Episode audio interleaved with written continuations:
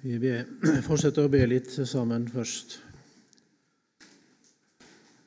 Takk, Jesus, for at du møter oss i ditt ord, og at vi har ditt ord, og at det skal stå fast til evig tid. Alt annet skal forgå, men ikke ditt ord. Ikke en tøddel av det, sier du. Velsigne oss, Jesus, som vi alt har bedt om denne stund. Og takk for at du gir oss, kler oss i frelsesdrakt og sveiper oss i rettferdskappe. Amen. Jeg vil lese Salme 12 i dag og prøve å si litt ut ifra den, og pluss litt andre vers der i, i Salmenes bok. Men vi leser Salme 12 i Jesu navn.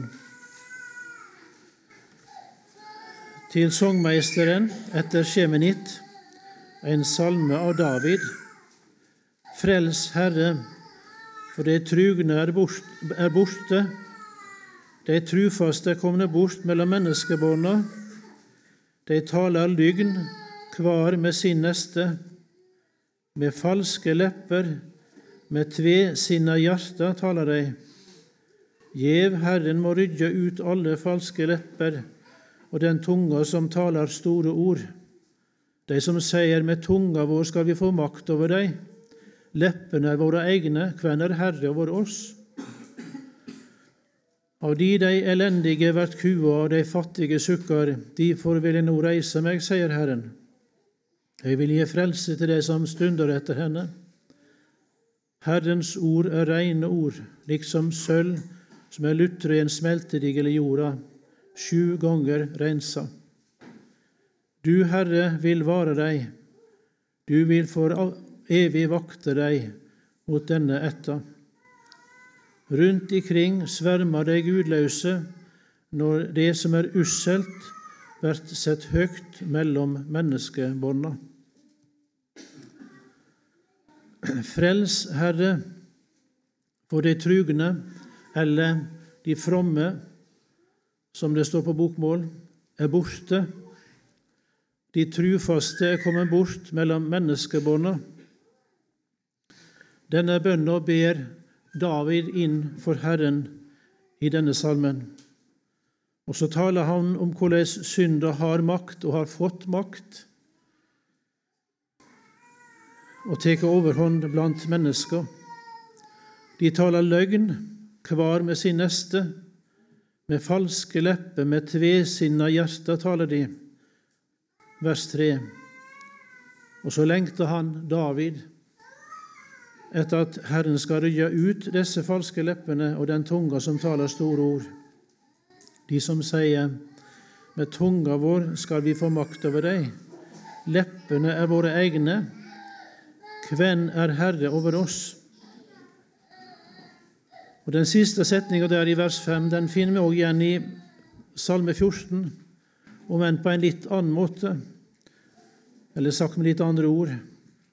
Der står det Dåren sier i sitt hjerte det er ingen Gud.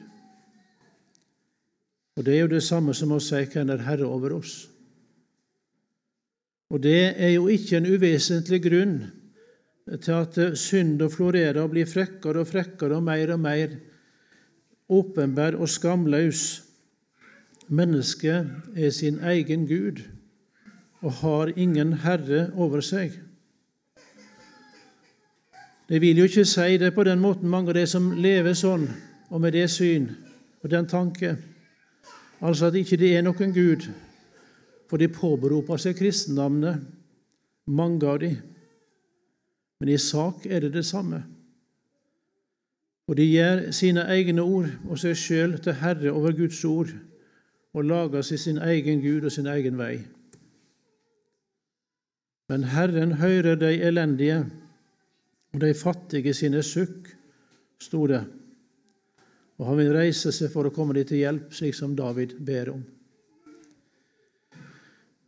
Det er de sanne truende, det som ofte har de navnene i Guds ord.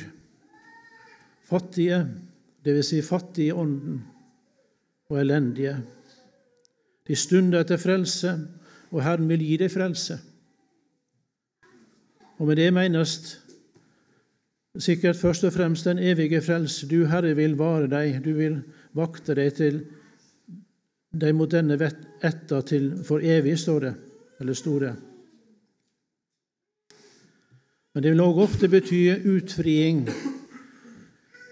av en bestemt nød i denne verden, at stormen blir stilna og bølgene legger seg.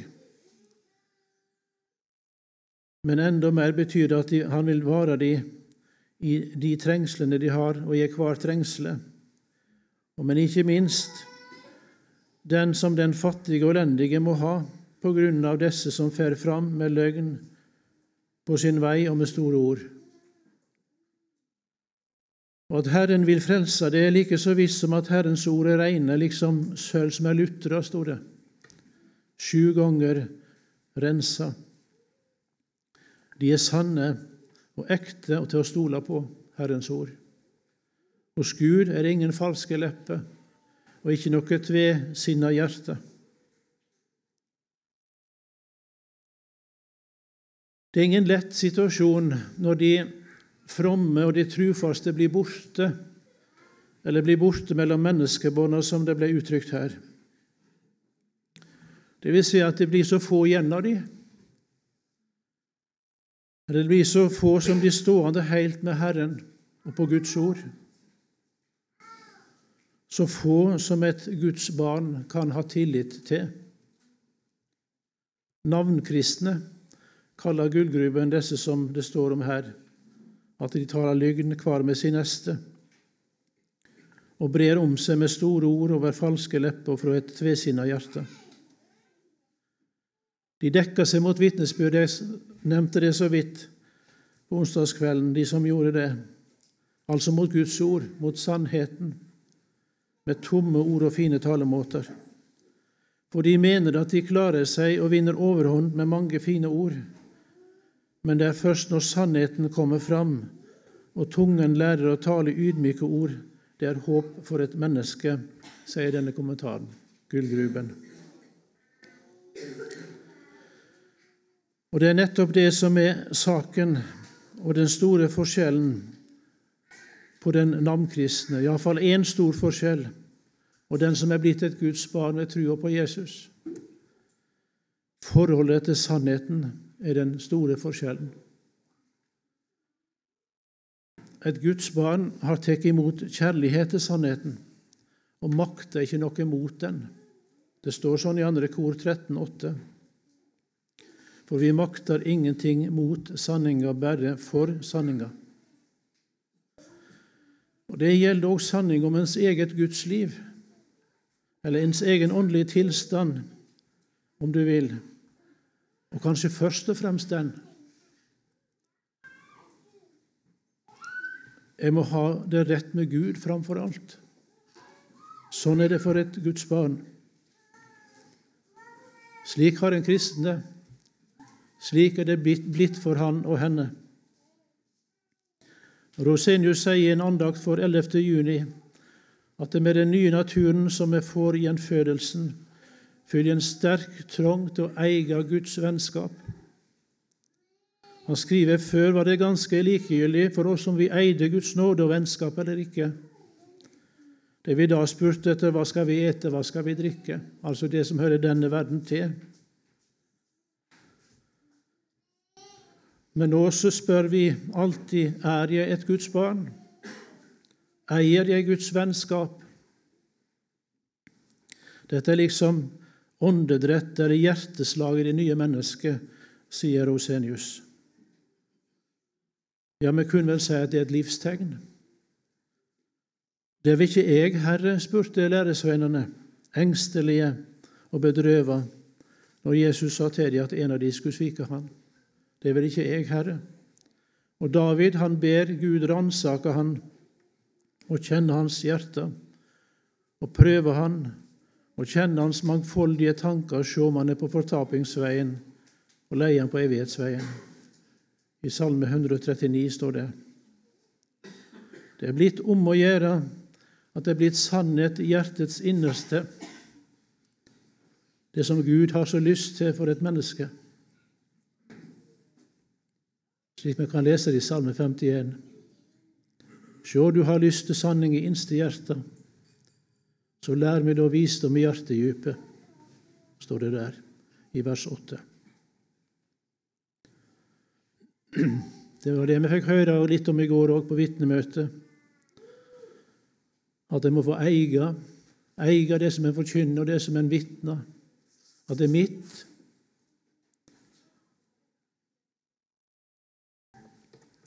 Det blir trangt og vanskelig for de fromme og, de, og de trufaste når det som er usselt, blir sett høyt mellom menneskebånda, slik står det i vers 9. Da svermer de gudløse, står det.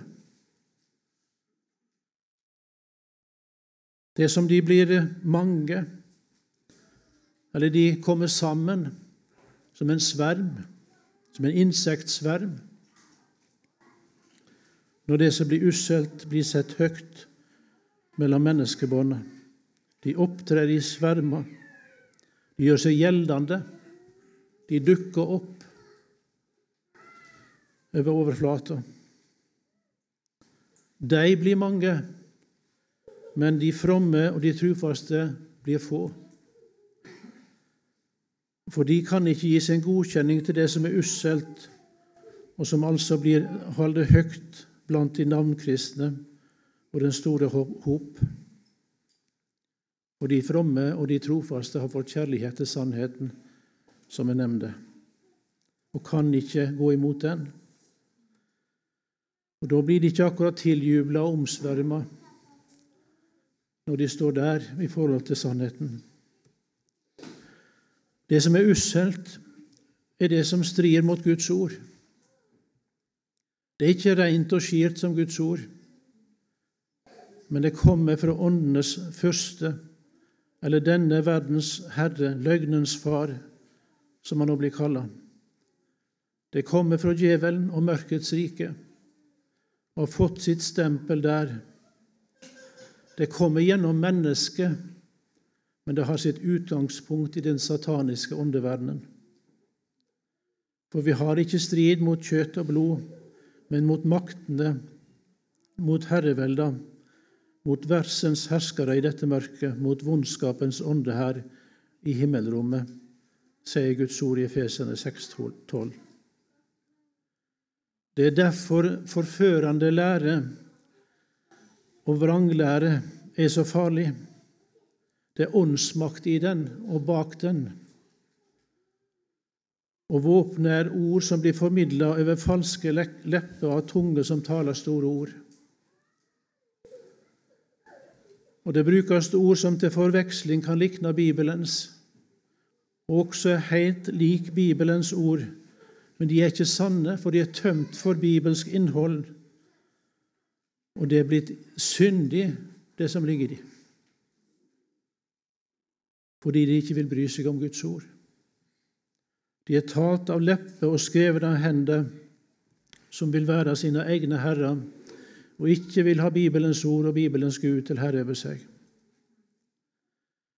Og Jeg syns det er betegnende, kanskje spesielt for vår tid, men òg for alle tider, for vranglere har alltid vært der. Det er betegnende det som står i vers 5. Med tunga vår skal vi få makt over deg. Og det må bety det samme som med orda våre. Med orda våre skal vi få makt over deg. Det lages nye ord og begrep som skal legitimere usannheter som sjøl en femåring vil kunne dømme om at det er ikke sånn. Det vet noe om. Det er løgner som baner vei for synder og river i stykker Guds skaperordninger. Og Guds skapning òg. Så forferdelig det er. Men disse ordene har stor makt i seg, dels fordi de blir gjentatt som sannhet så mange ganger, og dels fordi de blir ført fram med stor argumentasjonskraft men mest fordi de har sitt opphav i mørkets rike og blir drevet fram av det.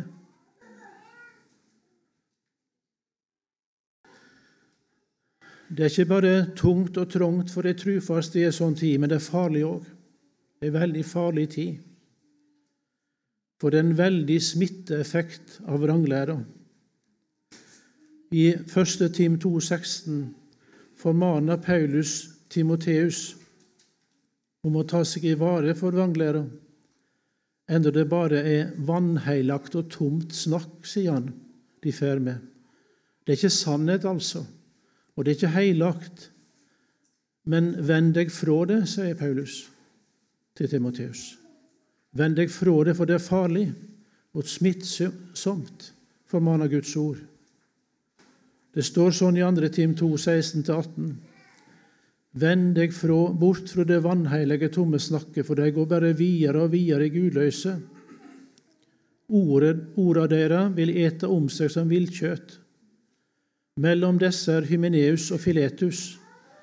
De har fare vilt fra sanninga, for de sier at oppståa alt har vært, og de river ned trua hjå somme.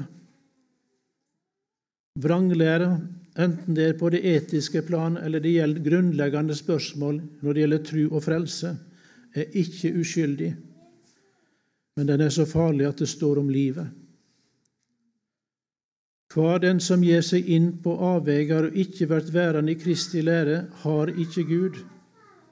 Den som blir værende i Kristi lære, han har både Faderen og Sønnen. Om noen kommer til dere og ikke fører denne læra, tak da ikke imot han i husa deres, og hils han ikke velkommen. 2. Johannes brev 9 og 10. Det er den holdning vi skal ha overfor vranglæra, og for den som ikke blir værende i Kristi lære. Vranglæreren skal identifiseres og nevnes med navn og advares mot, slik som Paulus gjør det her i 2. Timoteus 2.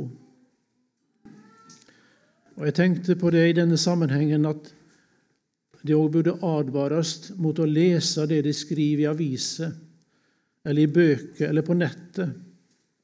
Ja, en skulle være forsiktig med det. Ja, redd for å lese det.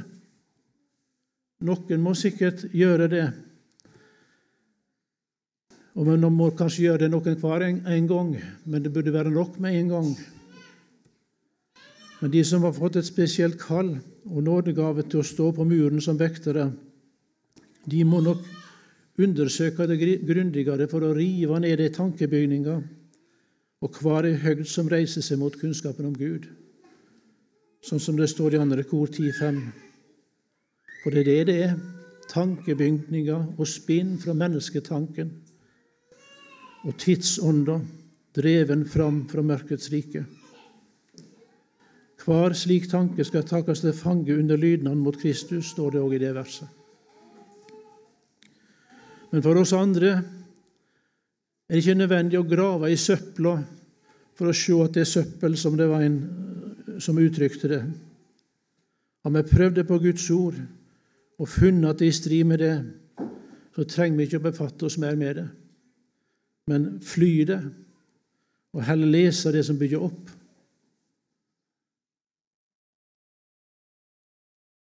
At de trugne blir borte eller få, det har nok kjennetegna Guds rike til alle tider. Jesus sjøl fikk erfare at det ikke var mange som sto igjen når sannheten ble talt. I Johannes 6 hadde han tale om nødvendigheten av å ete hans kjøtt og drikke hans, blod. For å få evig liv, altså forkynt den ene og sanne frelsesvei. Men mange av læresønnene som hører dette, sa da dette er harde ord, hvem kan høre deg? Sånn står det i vers 60 der. Og lenger ut i kapittelet, etter dette drog mange av læresvennene seg unna og gikk ikke lenger ikring med han. Og slik har òg mange av hans trufaste måttet oppleve det opp gjennom kirkens historie. Profetene i Gamle testamentet, for eksempel, de var ikke omkransa av store tilhengerskarer de heller. Nei, de sto ganske alene og måtte kjenne på den veldige motstanden og det løgnaktige fra de som svermer når det som er usselt, blir satt høyt, mellom menneskebånda. Og når det er sånn, kan så fort anfektelse og frykt og motløshet komme snikende til en Guds rikes tjener. Det òg skal vi være klar over i en slik tid. Elias han opplevde det etter seieren på Karmel. Dronning Jesabel i kongehuset svor hevn over profeten etter nederlaget. Og så blir han redd og flykter ut i øydemarka. Der setter han seg under en gyvelbusk og ønsker seg døden. Han sier, 'Det er nok, ta nå livet mitt, for jeg er ikke bedre enn fedrene mine.' Men Gud glemmer ikke tjeneren sin i nøden. Og etter at han har fått mat og drikke fra Herrens engel, går han i 40 dager og 40 netter til han kommer til Horeb, Guds fjell, står det i første kongebok 19. Og Så er det nok mye mer å si om det som videre skjer, om det som står om når Herren kommer til han der i håla på Horeb. Men det er svaret som Elias gir her, på Herrens spørsmål om hvorfor han er der, jeg tenkte spesielt på i vår sammenheng. Det står i vers, slutten av vers 13 og i vers 14. Og sjå, ei røyst kom til han og sa, Hva vil du her, Elias? Han svarer, Jeg har vært nidkjær for Herren allers Gud, for Israelsborna har forlatt pakta di. Altera dine har de revet ned, og profetene dine har de drept med sverd. Jeg er aleine att, og meg står dei etter livet. Det er motløsheten og frykten som har tatt Guds tjener og ført ham på vei bort fra kallet. Men Herren tar seg av sin tjener og fører han inn i nye oppgaver. Og så minner han Elias om at han ikke er alene, ikke så alene som han tror. Det er 7000 som ikke har bøyd ned for Bal. 7000 som ikke har veket av, men blitt værende tru mot Herren og Hans ord. Blitt værende i Kristi lære, som vi siterte fra Johannes, 2. Johannes brev. Motløshet en farlig fiende for et Guds barn. Og ikke minst en slik situasjon som blir beskreven her i Salme 12. men som Gud tok, gjentok seg av sin tjener Elias og førte han inn i det kallet. Slik vil han ta seg av sine i enhver tid, og ikke minst i de siste dager, da det skal bli ei vanskelig tid, ifølge andre Tim 3. Og vi hørte òg om dette mørket som ligger der framme i går på, i vitnemøtet, og som vi må regne med men da òg skal Gud ta seg av sine på en spesiell måte. Men det ble nok til trøst og oppmuntring for han, det som Elias ble minnet om, disse 7000. Det var jo Herren som minnet han om dem. Og Det står sånn om Paulus òg, at han fatta mot da han så brødrene. Så er det ikke så få av de elendige og fattige som er alene på sin plass og i sin bygd eh, rundt omkring i Norges land, og kjenner på trykket fra de som har forlatt ordet, de som begynner å hylle det som, som er usselt. Men det sukker òg av sin egen skrøpelighet og synd. Hvor nødvendig og godt er det ikke da for det å få møte de som ikke har bøyd ned for Bal. At det blir minne om at de ikke er alene, slik som Elias ble det. Frels, Herre, begynner salmen med, og lenger ute står det at han vil gi frelse, vil frelse og vil gi frelse til de som stunder etter henne, og til de elendige og fattige som sukker. Og så står det at han vil bevare de trofaste mot den etta til evig tid. At det er så mye som rakner, at alt mange ganger ser ut, til å gå galne veien. At en mange ganger ser ut, eh, at motstanderen av sann kristendom ser ut til å seire. Det skal altså ikke ta motet fra de trufaste. For deira Herre, himmelens Gud, er den samme og skal bli det til evig tid. Og det er Han som er seierherren. Han avvæpna maktene og herredømma og synte det ope fram da han viste seg som sigerherre over dem på krossen, står det i Kolossene 2,15. Og det er det som er så trøstefullt, at en er så sikker og viss den veien som det trufaste går, for de setter sin lit til Herren. Det sier òg Jesus, at når de ser disse ting begynne å hende som, som uh, forteller om at endens tid, den mørke tida, er nær, da skal de løfte hodene deres for løsningen deres stunder til. De setter sin lit til Herren, og Det vil òg si at de kan ikke fare fram slik som disse som det sto om at de talte løgn med sin neste og brukte store ord for å vinne fram. Det går ikke for en kristen, det. Et Guds barn kan ikke fare fram usannhet eller bruke snikveier eller bøye retten.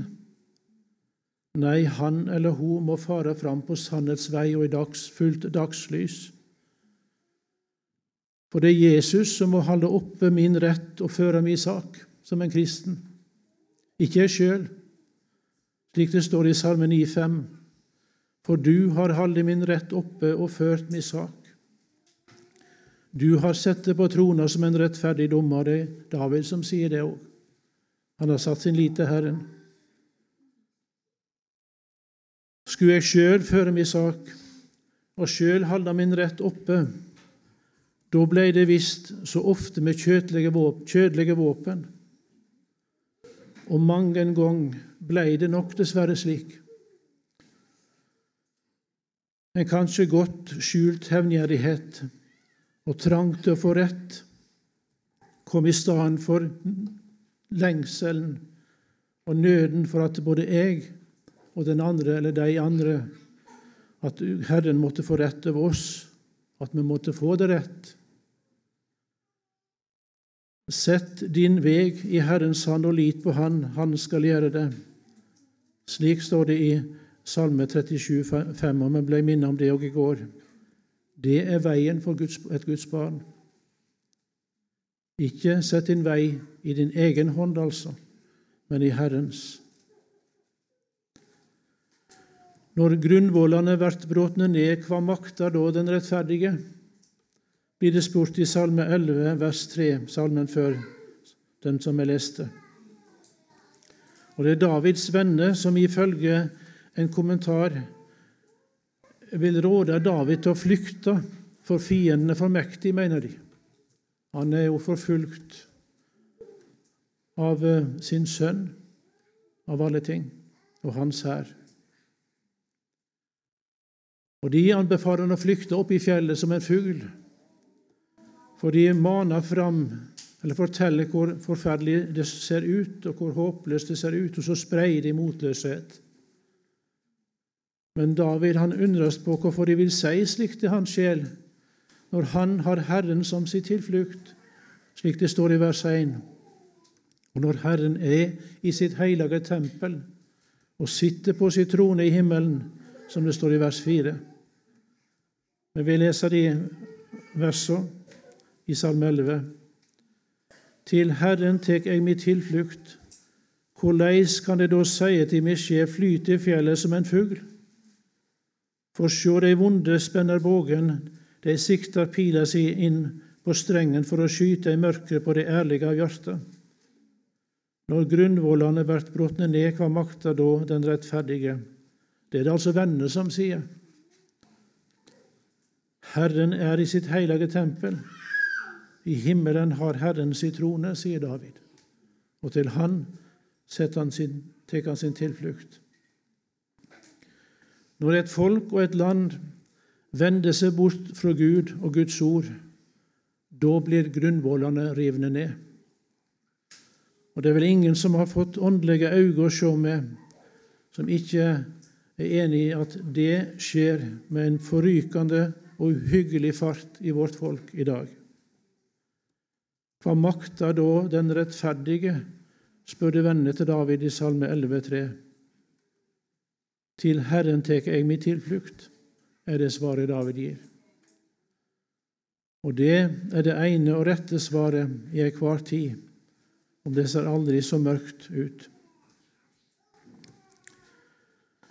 I Matteus 14 leser vi om Peter som går bort til vannet mot Jesus der i stormen på Genesaret. Vi var borti det i går òg.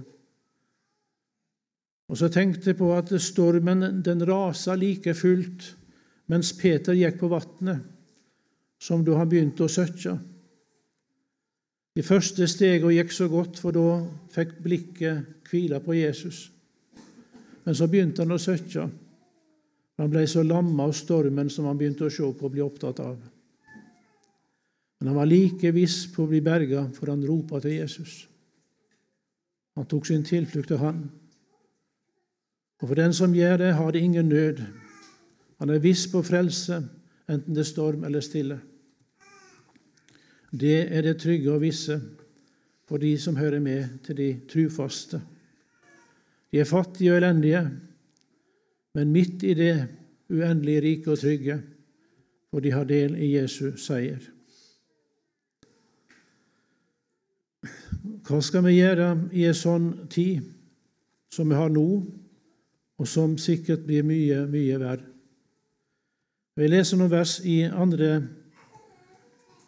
i andre kapittel i Filippebrevet, fra vers 12 til 16 der. Mine kjære, liksom det alltid har vært lydige, så arbeid nå på dykkar frelse med age og otte.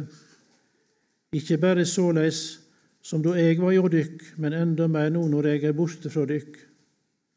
For Gud er den som verker i dykk, både å vilja og verka til Hans hugnad. Gjør alt uten murring og tvil, så det kan være uten klander, reine, Guds ulastende bånd midt i ei vrang og rangsnudd ett. Det skin som ljos i verda mellom dei, i det det held fram livsens ord. Til ros for meg på Kristi dag at det ikke rende til fånytte eller arbeide til fånytte. Det sto her om å være Guds ulastende bånd midt i ei vond eller vrang og rangsnudd ett. Og så sto det om å skine som ljos i verden. Det er veien. Og så sto det om å holde fram livsens ord, ikke minst det.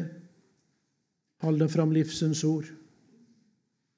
Det er veien for den som vil være tru mot ordet. Den som tar sin tilflukt til Herren, han både lærer som Guds ord og leve etter det, om enn i stor skrøpelighet. Og det er vårt kall i en mørk tid. Mørket kan ikke vinne over ljoset, for ljoset har allerede vunnet over mørket. Det skjedde på Golgata. Det er slik som jeg leste om det i Kolosserne 2,15.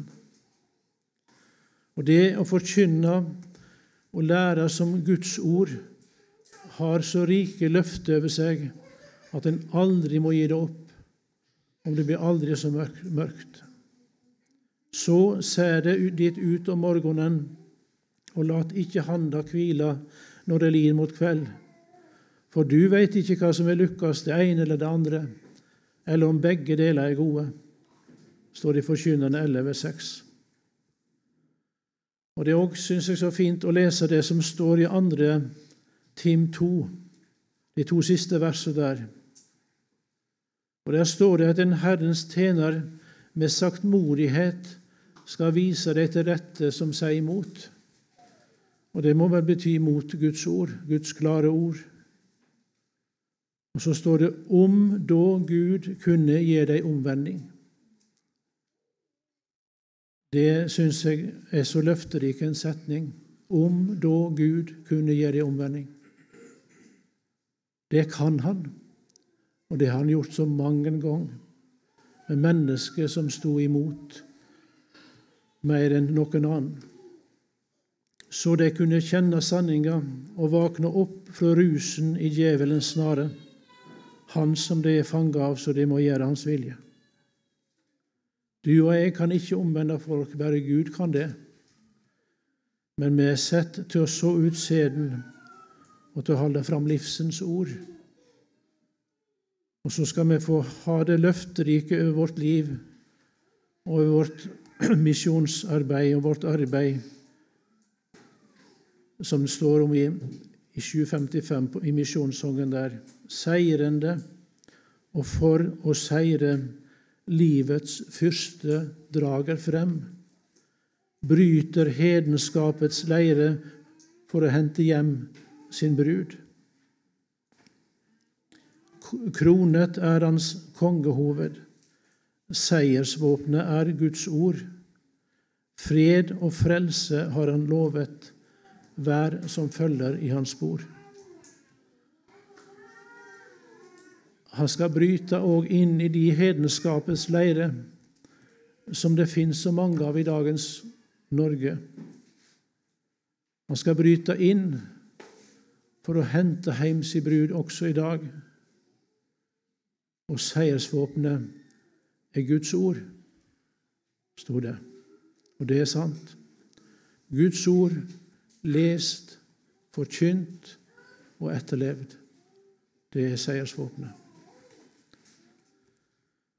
Vi takker deg for det, Jesus, at du er den store seierherre.